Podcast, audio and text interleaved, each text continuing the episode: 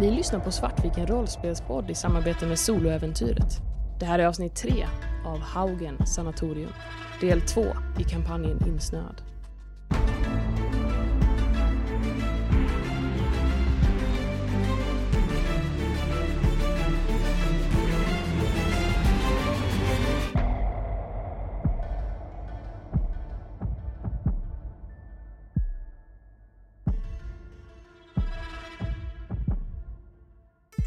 Diana, du står där, inser att du var ensam. Men du hör rösterna längre fram. Liv? Ås-Marie? Ni hör Dianas röst längre fram. Bortifrån receptionen dit ni är på väg. Jag tittar omkring mig. Hur är miljöerna?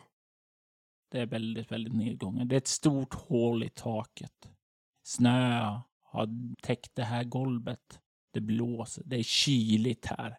Inte för att du bryr dig för sådant. Sådana mänskliga behov är ju tyvärr utanför ditt räckvidd. Men du kan se ett ljus, ett ganska starkt ljussken bortifrån korridoren komma närmare. När jag hör eh, de här ljuden komma bortifrån uppehållsrummet. Efter att ha fryst för några hundradels sekunder så vänder jag om och börjar springa i full fart mot receptionen. Liv, vad gör du? Jag tittar snabbt på Uriel. Uriel kollar mot dig, han nickar åt dig och sen så vänder han sig bort ifrån dig och börjar gå ut mot uppehållsrummet för att möta vad det än är som kommer därifrån. Jag tittar tillbaks mot eh, uppehållsrummet och Uriel och så här, tittar bort mot Åsa-Marie som springer mot receptionen och står liksom en halv sekund i obeslutsamhet och sen ah, och springer efter Åsa-Marie. Diana, du hör plötsligt fotsteg komma springande. Jag slänger en snabb blick först på den andra dörren, den som går till damernas avdelning. Du kan se att eh, den hade ju ni barrikaderat igen, så den är rätt eh, bastant och säker just nu. Den är barrikaderad alltså. Då vänder jag mig mot herrarnas avdelning och inväntar stegen. Åsa-Marie, du kommer ju ut först, men inte långt efter kommer Liv. Liv är som sagt var snabbare, så hon tar igen den här lilla väntan hon gör. När jag kommer ut till receptionen så försöker jag svänga för att eh, springa till, eh, till det jag vet är eh, utgången från sanatoriet. Men på grund av ja, snön som ligger här så halkar jag och glider liksom över halva golvet nästan. Och så börjar jag försöka ta mig upp så snabbt som möjligt för att fortsätta. Vad Yes. är det som händer? Jag smäller igen dörren och finns det någon stol där? Det kan finnas en stol i närheten. Och precis innan eh, jag bara drämmer till den så står jag ju liksom och tittar och kastar en sista blick ut mot korridoren och Uriels rygg antar jag. Du ser Uriel kliva in där. Och du ser skuggorna, hans stora änglavingar drar utåt. Och du kan höra ett skrik. Och tumult utbryter där borta. Jag tar tag i den här stolen och försöker proppa upp eh, handtaget. Livs signature move. Japp. Men fan hjälp mig då Diana! Stå inte bara där! Jag springer fram och hjälper till. Vad, vad fan är det som händer? Barrikadera dörren! Ja, vi håller ju på! Ja men gör det fortare! Vi tar allt annat tar vi sen! Jag letar efter mer saker som vi kan eh, sätta fast. Åsa-Marie, du kommer upp på fötter. Jag börjar springa mot utgången. Och du kommer fram till ytterdörren och är på väg att brascha upp den precis som du gjorde tidigare. Och jag vill att du slår ett eh, lätt slag med kropprörlighet för att se hur illa du gör dig.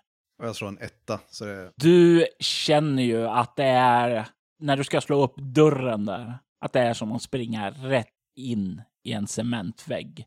Du kan ta en bestående förlust i antingen kropp, utstrålning eller ego. Jag backar tillbaks från dörren och inser att så här, det här kommer inte räcka. Det är inte nog. Det är inte nog, det räcker inte. Vi, vi måste ta oss härifrån.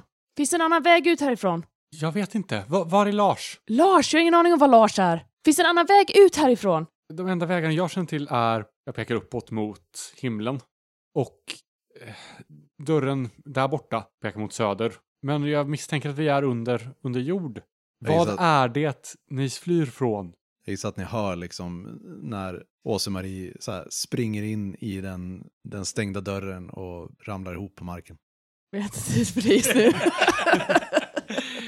Men jag har tid för Åse-Marie. Du faller till marken. Vad är din nästa reaktion? När det har klarnat i huvudet och jag kan fokusera blicken igen så ligger jag bara kvar och stirrar upp i taket.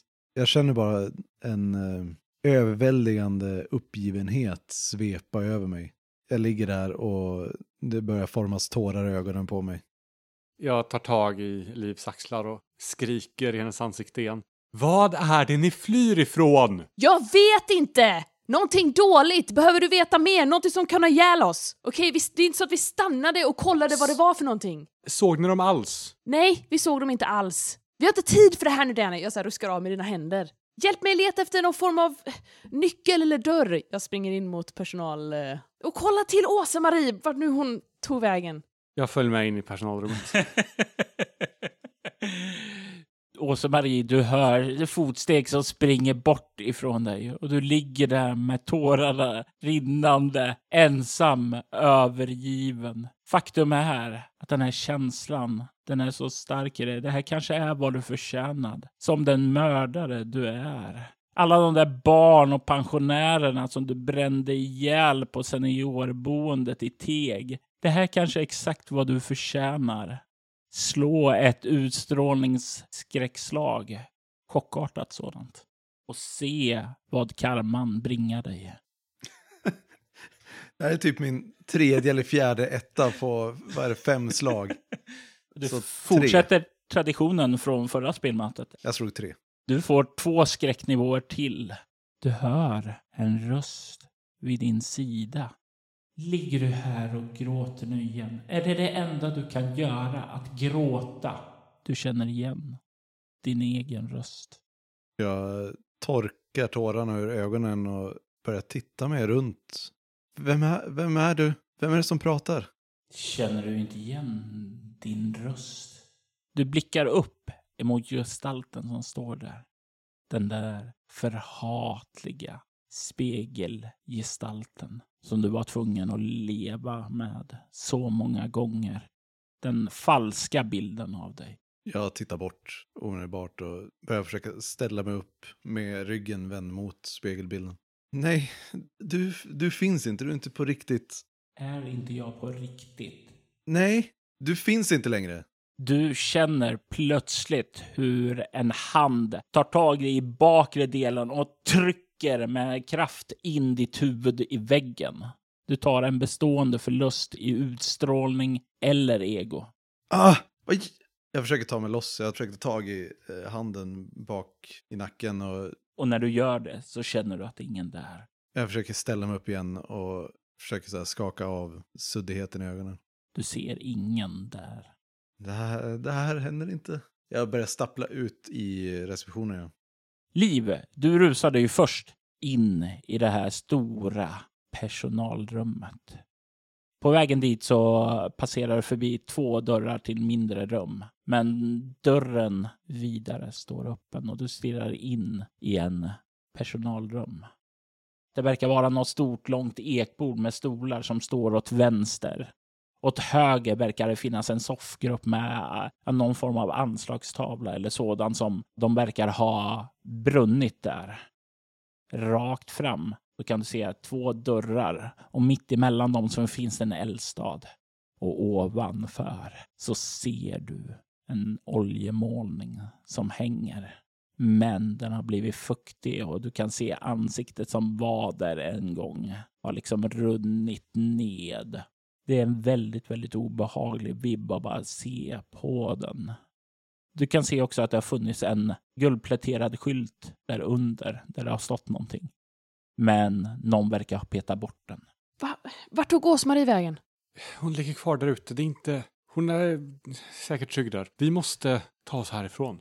Ja, vi måste ta oss härifrån. Vi måste ju ta med oss Ås-Marie. Kom nu, vi Men får det- bära henne. Det finns ingen väg ut härifrån. Hur vet du det? För att jag har sett kartan. Jag vet hur det här stället ser ut. Det finns två utvägar. Det är en vid dörren där Åsmarie ligger och det är taket, hålet i taket i receptionen. Nu när du ser här inne, lugnar ner lite, kollar, så kan du se att det finns fönster. Men fönstren har bara en svartgjord massa.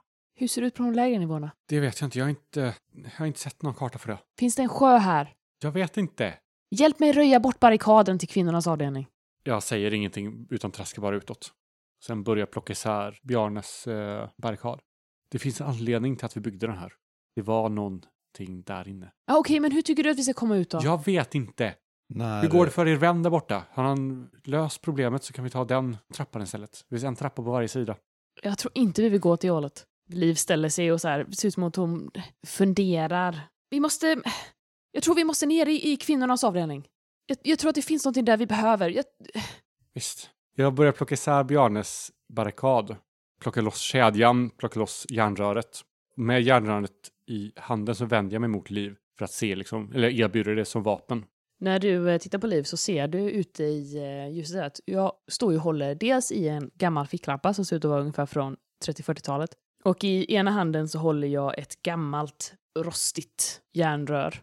Jag har på mig mina skidkläder som jag hade från hotellet, men de är smutsiga. Och eh, runt höften så sitter det ett eh, hölster som också ser ut att vara ungefär eh, från 40-talet med en eh, officerspistol, jag tänker typ en luger. Det låter rimligt. Och du kan även se att jag har lite papper som sticker upp i ena fickan och en skalpell som sticker upp ur den andra. Jag är väldigt beväpnad. Och har du ryggsäcken på dig? Och jag har en ryggsäck på mig som ser väldigt fullpackad ut. Det bara sticker ut vapen ur över hela. alltså pretty much.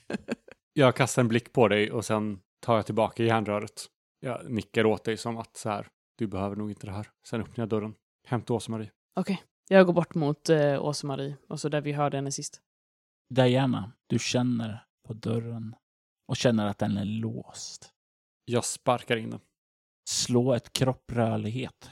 Jag är också stark så jag har två tärningar för det. Och för att få upp den så är det ett mycket svårt slag du måste lyckas med. Yes, jag har tio i grund. 22. Och du sparkar upp dörren med ett brak. Trots att någon har hamrat igen den på andra sidan med plankor för att barrikadera den. Liv, du kommer fram, lyser in i den tomma korridoren där Åse-Marie skulle ha varit. Och sen hör du smällen av Diana som sparkar upp dörren. När jag hör det stora braket så vänder jag mig om och tittar på Diana en kort sekund och bara Vad fan håller du på med? Sen håller jag fram ett knippe med nycklar.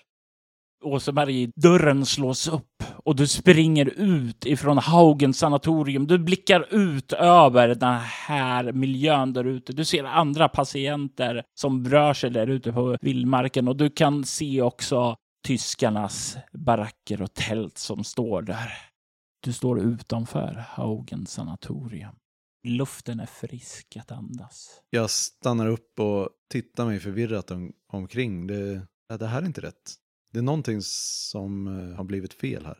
Jag vet inte riktigt vart, vart jag är på väg nu.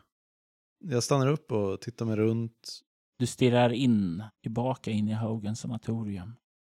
Du kan se hur översköterska Årud kommer ut ifrån personalrummet och eh, kliver bort mot kvinnornas avdelning och verkar gå in där. Du kan höra fotsteg komma upp bakom dig. Jag vänder mig om. Du ser en man.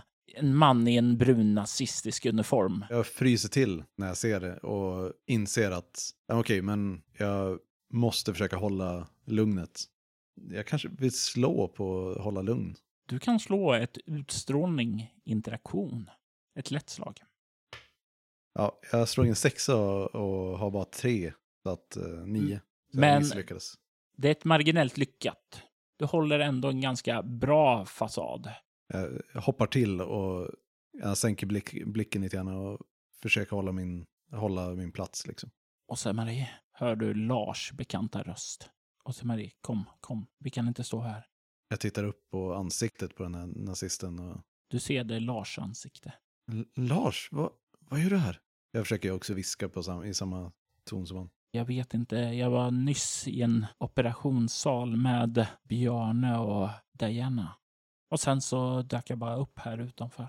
Vi måste hitta Bjarne. Det, vad är det som försiggår här? Vad, vad är det som händer? Ingen aning. Jag tror, eller ja, Diane verkar säker på att det har någonting med att vi drömmer det förflutna. Va, eh, det, det är inte rimligt. Va, jag förstår inte vad du menar med drömmar i förflutna. Det kan man inte göra. Han tar och suckar. Det finns saker som inte alltid går att förklara. Jag tror du om någon borde förstå det. Jag lägger armarna runt mig och kramar mig själv. Och, jag, jag vet inte vad du pratar om nu. Men vart, vart ska vi? vi... Jag, se, senaste jag såg Bjarne så var han i operationssalen. Vi måste tillbaka dit. Ja, vart är, vart är operationssalen? Jag, titt, jag tittar ut runt uh, på tälten och så. Han pekar in i Hogan sanatorium, bortom personalrummet. Jag står och stirrar lite Vi, oroat. vi såg en varelse där. Och det var när jag såg den som jag kom tillbaka hit. Ja, men vi, vi måste få ett slut på det här.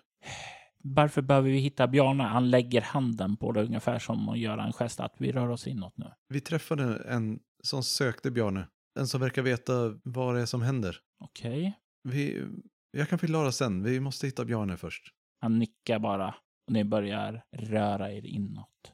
Kommer in i receptionen och du kan se hur översköterska Årud kollar upp emot er. Verkar vara på väg att säga någonting åt dig. Men sen så ser hon det. Hon ser att du är eskorterad av en soldat. Och hon kollar nedåt igen. Och ni passerar förbi henne. In i rummet. Du kommer in. Du kan se det här personalrummet där du var i. Du kan se soffgruppen som fattade eld. Den har inte fattat eld. Den är orörd. Och ni börjar gå vidare. In mot operationssalen. Bjarne, du vaknar upp. Du känner hur din nakna kropp ligger mot en kall stålbrits. Samtidigt som dina handleder är fastspända med rejäla läderremmar. Rummet är mörkt. Bortsett från det starka artificiella skenet från ett par lysrör ovanför dig som sticker i dina ögon. Det är dock inte det enda som sticker i dig utan du känner även hur en nål har stuckits in i ditt armveck och någon injicerar något ifrån en spruta i dig. Du skriker till och personen drar ur nålen nu. Du blinkar några gånger för att fokusera din blick. Men det enda du ser är två personer. Den första är en blond tysk i nazistuniform och bredvid honom så finns det en leende man i doktorsklädsel. Du hör tysken säga der Tod ist nur der Anfang. Och han vänder sig sedan om bort från dig och vandrar därifrån. Samtidigt som doktorn kollar ner på dig. Du ska vara tacksam nu. Tacksam att han skonade dig efter vad du gjorde mot hans fru.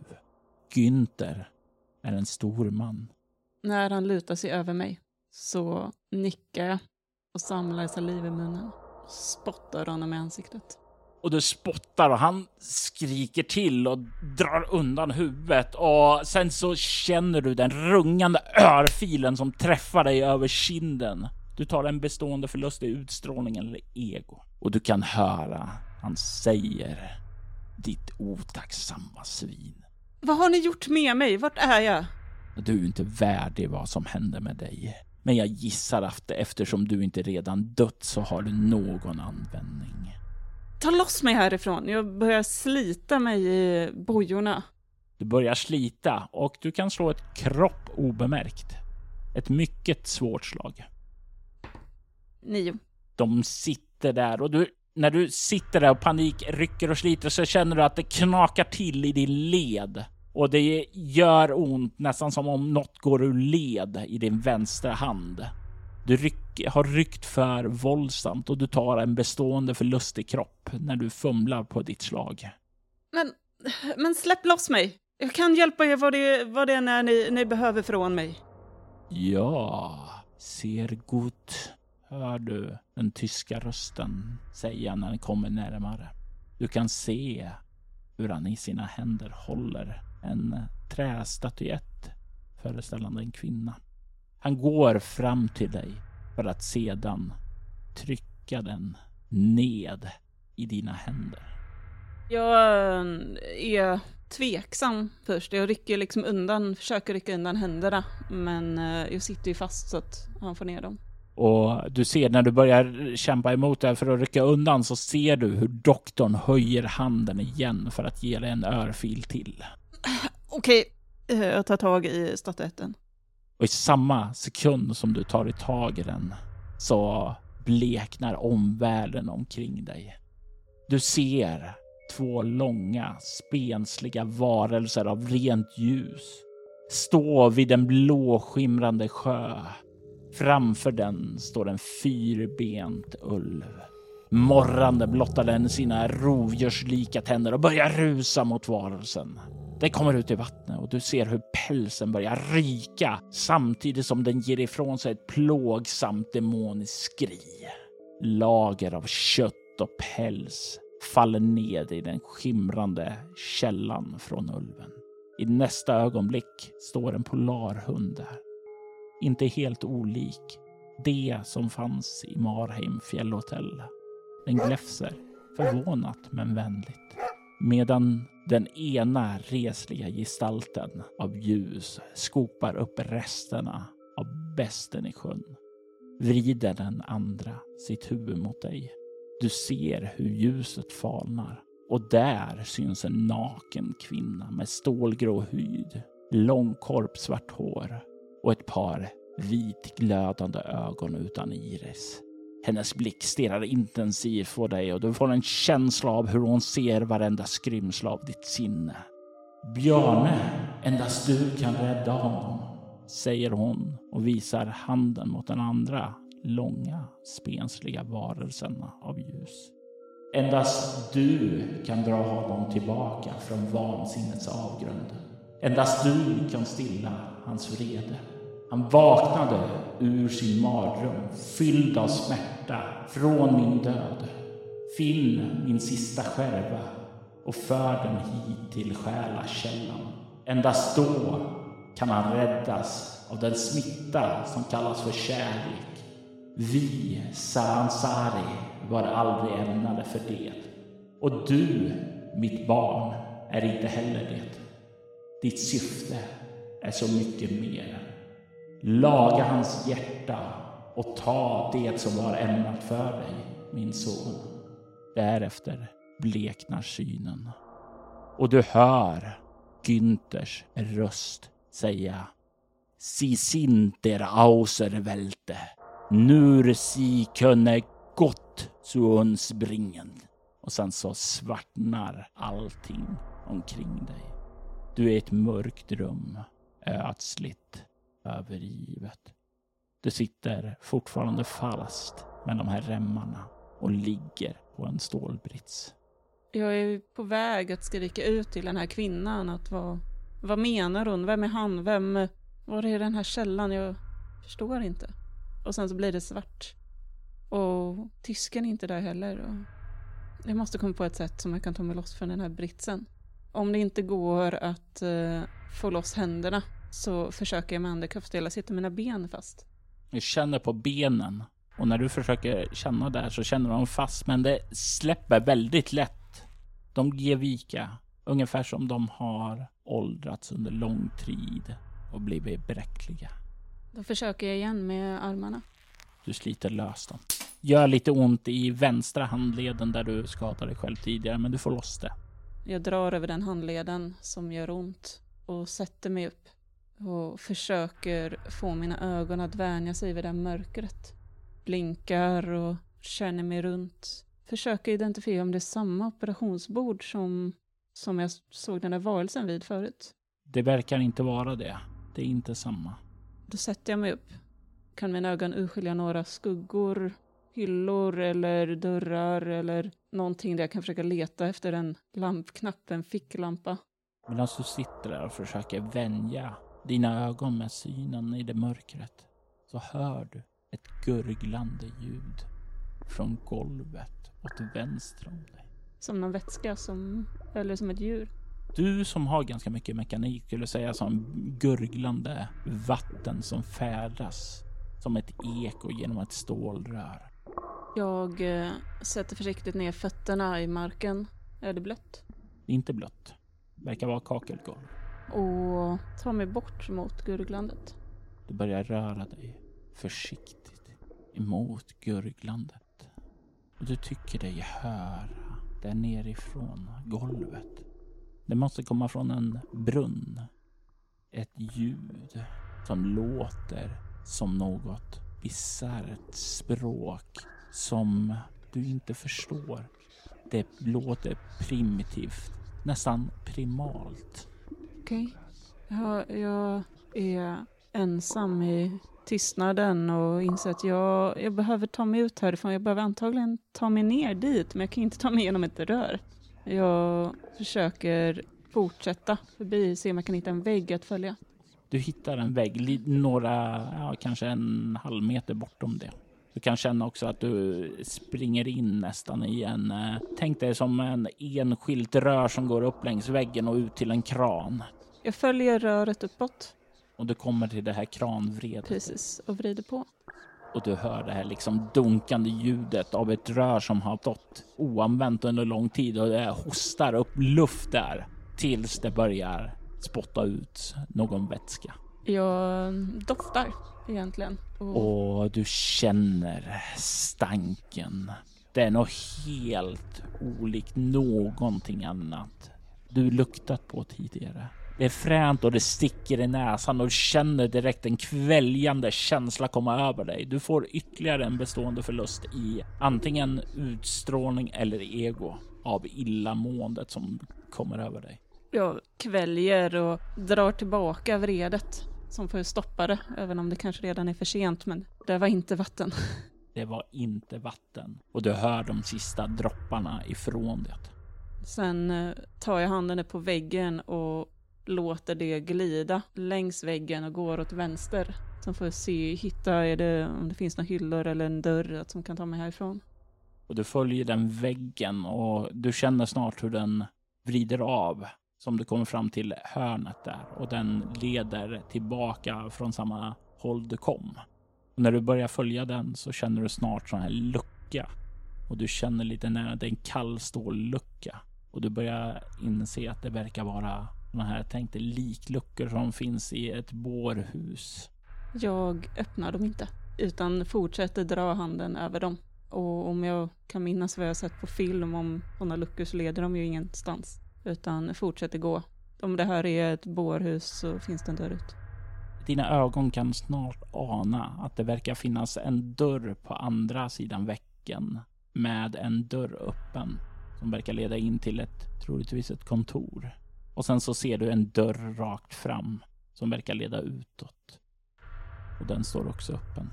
Men det är som sagt var väldigt mörkt så du ser inte så mycket mer. Hur i ett sånt här gammalt hus, om någon skulle ha lämnat kvar något, en ficklampa eller en, ett ljus, vad är chansen att jag skulle kunna få det tänt? Det är ju hur pass eh, bra de har förvarat det. Det skulle väl finnas liten chans. Den är inte så jättebra. Alltså batterier har ju en livslängd. Precis. Och om det här har varit sedan 30-40-talet så tror du risken för det är väldigt, väldigt liten. Men samtidigt så hade de ju ljus. Och om det skulle finnas stearinljus någonstans så skulle det kunna vara ett kontor. Mm. Och just nu finns det ingen direkt fara. Som jag ser. Så att jag eh, tar mig bort mot kontorsrummet. Du kommer fram dit och kan fippla lite och hitta till slut en lysknapp. Tänds det? Ja, lampan tänds och du stirrar ut över ett kontor. Ett kontor som någon verkar ha rumstrerat i. Har letat runt. Du ligger, ser arkivskåp som är öppet och du ser på skrivbordet hur massa mappar ligger framme. Utdragna lådor. Du kan se läkarrockar som hänger här. Och sedan i väggen kan du se ett kassaskåp med åtta siffrigt lås. Med tanke på allt som hänt nu så finns det bara en sifferkod som jag har i huvudet. Och jag måste testa den. Jag går fram till kassaskåpet och slår in 223 11 223. och det klickar till och öppnas. Diana, du ser Liv hålla upp de här nycklarna framför dig. Där du står vid den uppsparkade dörren till den kvinnliga avdelningen. Varför sa du inte att... jag- visste inte att du skulle... Var, var är Åsmarie? Jag vet inte. Hon, hon borde vara här. Ser jag en dörr här där jag är? Det finns tre dörrar åt vänster, tre dörrar åt höger. Jag känner på dem, alla. Den första dörren du känner på är den första dörren åt vänster. Och du drar upp den och kan se in i en besökstoalett som har råkat ut för någon vrede. Du kan se hur toaletten och handfatet är krossade, spegeln är sönderslagen. Brunt gammalt vatten har missfärgat kaklet på golvet. Jag öppnar den andra, till vänster. och du kollar in i en plats som verkar vara ett städförråd. Dammet ligger tungt.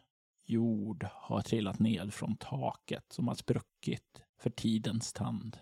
Det ser ödsligt ut här och i stort behov av att bli städat. Men det finns inga typ verktyg. Jag tänker så här en yxa eller en eh, stor Mm. skiftnyckel eller... Nej, det, du kan hitta saker som relaterar till städning. Ja, okej. Mm.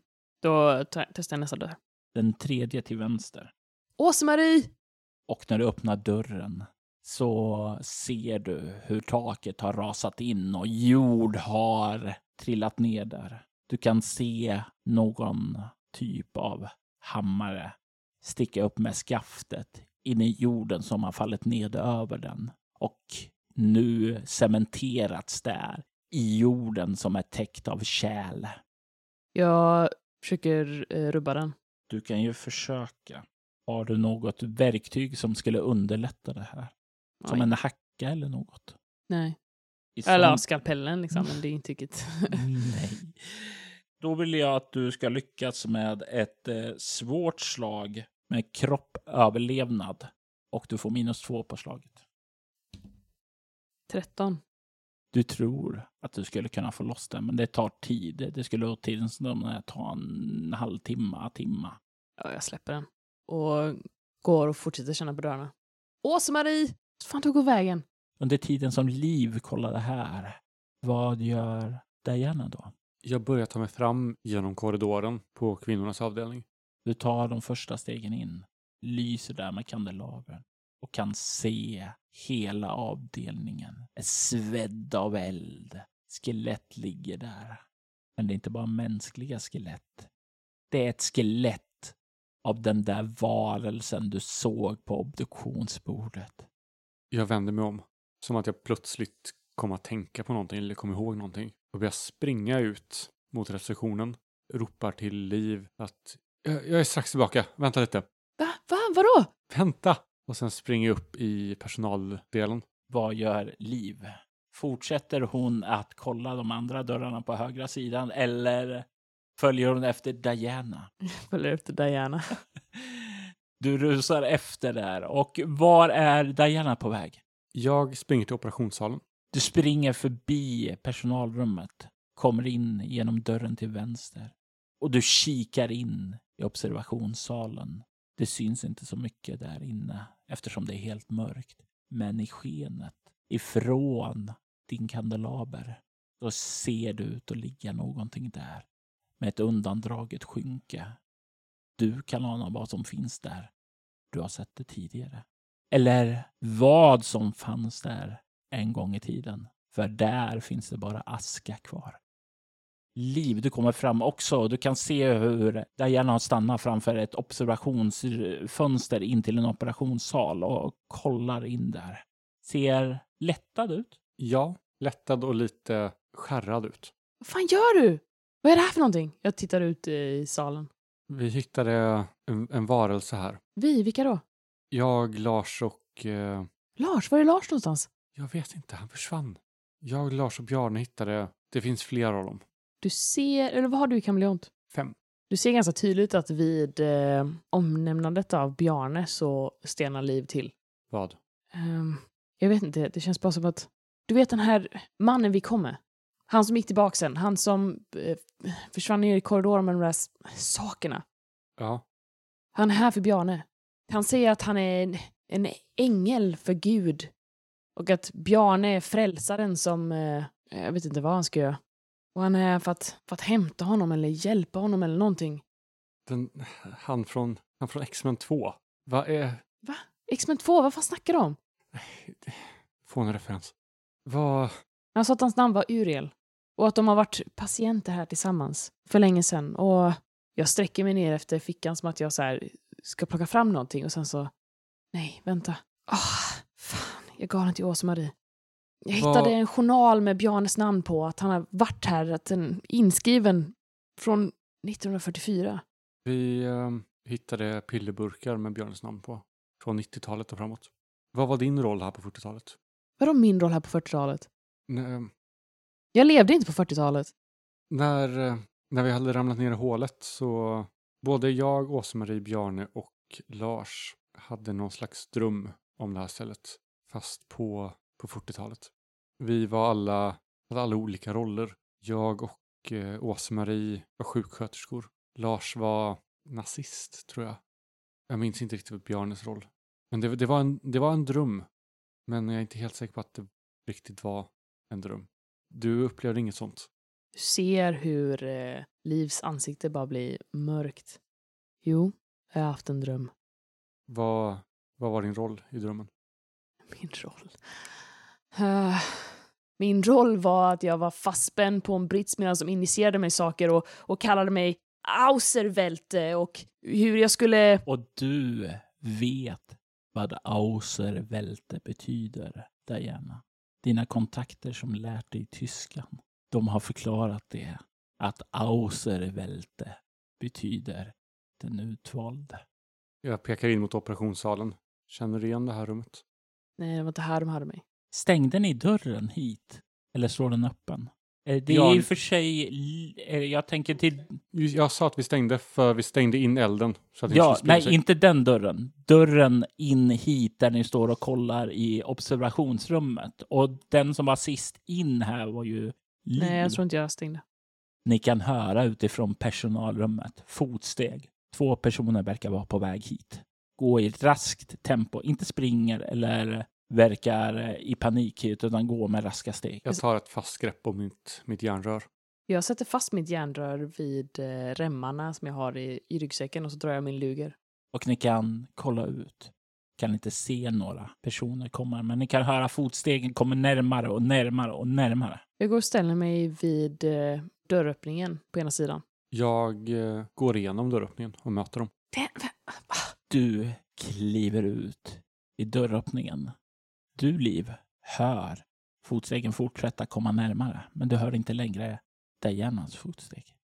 Christer, du följer efter Lars och ni passerar genom personalrummet och ni kliver in mot den vänstra dörren, den du inte har varit i. Du, Liv, som står där vid sidan med din luger, ser hur Lars kliver in. Jag står och lyckas precis lägga band på mig så jag inte trycker på avtryckaren. Och han rycker till när han ser dig. Helvete! Var fan har du varit någonstans? Och du ser därefter hur Åsa-Marie kommer in. Och du kan se att den här fina, nyinredda, luxuösa inredningen har förbytts i samma ögonblick som du kliver in här till den nedgångna. Du kan se en observationsfönster framför er. Och du kan se Liv med en luger vid sidan som hon sänker. Och Lars kollar på dig och liksom... Jag stod hon precis innanför dörren till höger eller? Japp. Liv! Vart, försvann, vart tog ni vägen? Vart tog du vägen? Jag puttar lite på dem och så här, sträcker mig ut och tittar ut i uh, utrymmet bakom er där ni kom ifrån. Och vart fan tog Diana vägen? Har du sett Bjarne? Nej, jag har inte Vi sett måste, Bjarne. vi måste hitta Bjarne. Varför måste vi hitta Bjarne? Därför att Bjarne är... Därför att du vet varför. Eh, det Du var vet någon... vem vi träffade. någon man som eh, han säger att Björn är lösningen på allt. Säger Lars och gör en nick åt eh, Åsa-Marie. Ja, men jag vet inte om man ska lita på alla de här hallucinationerna som kommer från det här stället. Nej, du har en poäng där. Du har en poäng där. Vi vet ju inte vad som händer. Vi vet ju inte vart vi är till att börja med. Vi kan ju inte veta vad vi ska lita på ens utav det vi ser. Men du sa att Diana var här. Diana var här alldeles nyss, men hon, hon gick ut genom dörren och så nu, nu är hon borta. Du kan se hur Lars kliver fram mot observationsfönstret, kollar in där och verkar dra en lättnadens suck. Okej, det är bränt i alla fall. Kolla här, jag, jag vet inte vad som händer här, men jag tror att jag måste hitta en, en, en statyett. Okej, k- kan ni hjälpa mig med det? Du menar en sån där som du fann i Precis. skidbacken? Exakt en sån som jag hittade i skidbäcken, fast, fast typ an, lite annorlunda. En annat... Det här är en, en kvinna istället. Okej, du menar den som sticker upp i din väska där? Jag så kränger av mig min eh, väska och känner hur hjärtat börjar skena. Och du kan se att du har två statyetter i din väska. Dels sonen som du hittade i skidbacken och dels modern som du hittade nere i källaren. Åse-Marie, du känner ju igen eh, de här statyetterna. Du kände ju, sa ju att de, när de hittade sonen var det en del av ett set på tre. Mm. Och du ser att de har, verkar ha funnit modern nu. Jag vräker ur allting som är i min väska och alla de här typ extra kläderna, det som jag har packat från Marheim i fjället för att ta mig därifrån. Bara så här, bort med det såvida det inte är... Eh, Användbart. ja, Du kan ju hitta en ficklampa där också. Den är nog lite bättre än den från 40-talet. Så Mm. jag, jag skjuter bort den här från 40-talet, bort mot Lars. Han, eh, vad heter det, tar emot den för han har ju ingen längre. Ja, vad bra, ni har hittat modern och sonen. Eh, så vi måste fortfarande hitta fadern. Fadern. Det måste vara det jag menar med den sista skärvan. Vadå sista skärvan? Jag vet inte. Jag, jag vet inte hur jag ska förklara det. det. Jag måste hitta den sista skärvan och jag måste ta ner det till själakällan. Jag tror att det är någon form av sjö eller eh, brunn eller källa som är... Det måste vara under här någonstans. Vi måste ta oss längre ner. Men Var, vart kan vi, vart ska vi kunna hitta den? Jag vet inte. Eh, kanske, Om det är vatten och källor vi letar efter så borde vi ju söka oss nedåt. Det är exakt det jag tänker. Vi bo- jag och Diana, vi hade tänkt oss in i kvinnornas avdelning. Okej. Det borde se liknande ut som männen, så om det gör det så, så vet jag vägen ner. men varför är, ni här, varför är du här då? Ni var ju i, ni höll ju på, Vi är här för att Diana har- gick hit och jag följde efter henne. Jag, jag vet inte varför hon gick hit. Hon tittade på det här bordet, men jag, Vi fann en varelse där. En eh, död, obducerad varelse. Den var allt annat än mänsklig. Och jag såg hur eh, Diana kände stor fruktan inför den.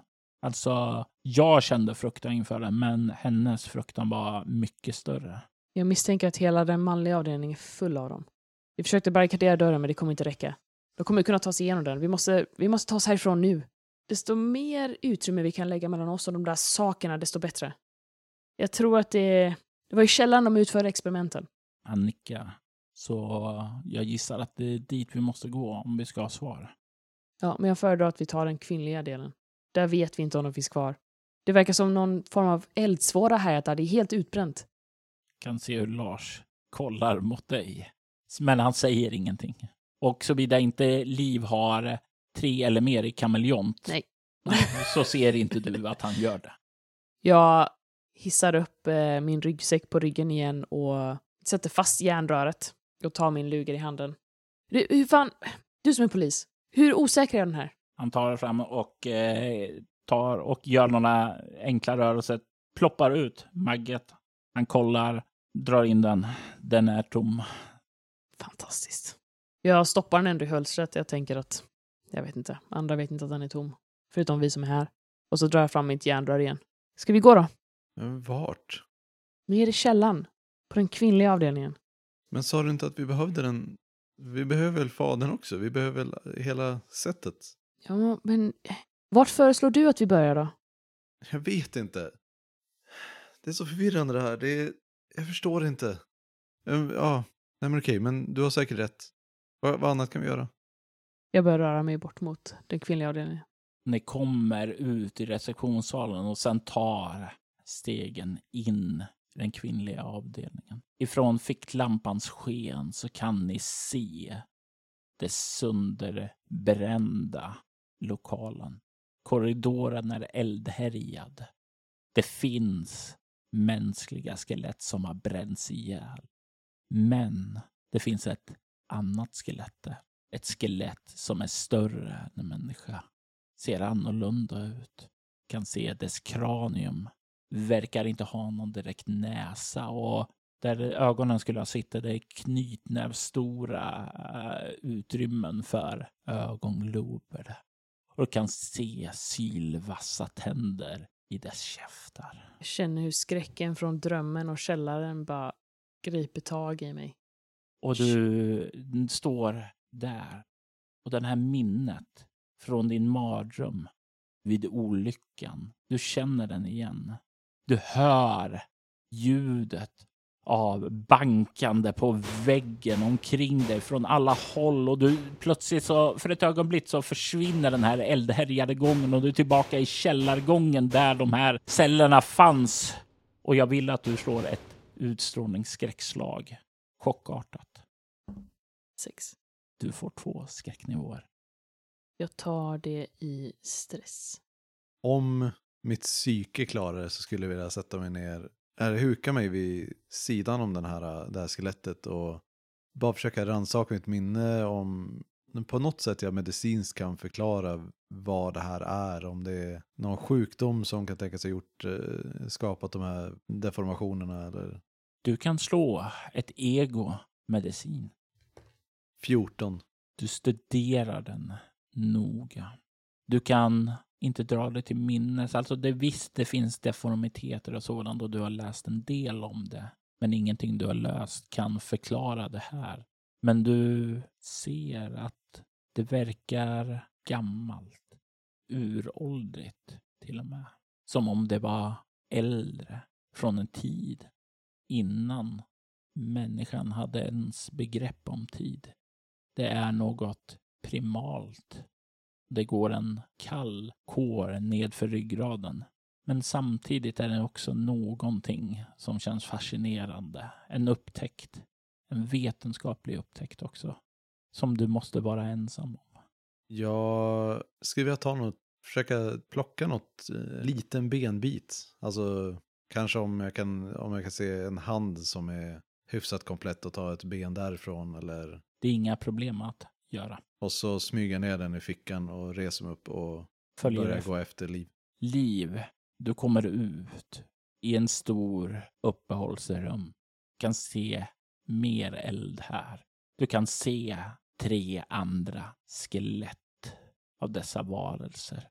Och på en av väggarna, där elden har härjat som värst, så kan du se en annan sak. En del av väggen som inte är eld- eldhärjad. En del som föreställer två stora utfällda änglavingar.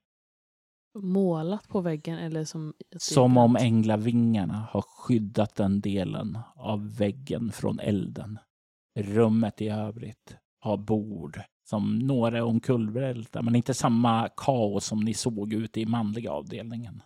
En dörr leder vidare längre bort. Och Åse-Marie, du vet ju att den går ut till köket. Mm. Diana sa att ni var i en dröm. Så att titta lite frågande, nästan som att hon testar orden. Jag förstår inte längre vad, vad som är en dröm och inte. Det här känns som en dröm, men hon säger att det här inte är det. Lars nickar när du säger det. Han verkar inte alls lika traumatiserad som Åse-Marie. Lars, Lars har inte längre naziuniform va? Nej, han har sina vanliga kläder på sig. Och i drömmen så hade ni roller. Jag var en tysk officer. Det stämmer. Jag var sjuksköterskestuderande, tror jag. Li verkar fundera lite på detta.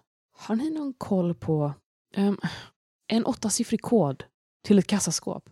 Är det någonting som ni stötte på i drömmen? Nej. Nej, inte vad jag kan dra mig till minnes. Vad- Fleischer, var det någon ni stötte på i drömmen? Eh, Günther. Ja, precis. Günther Fleischer.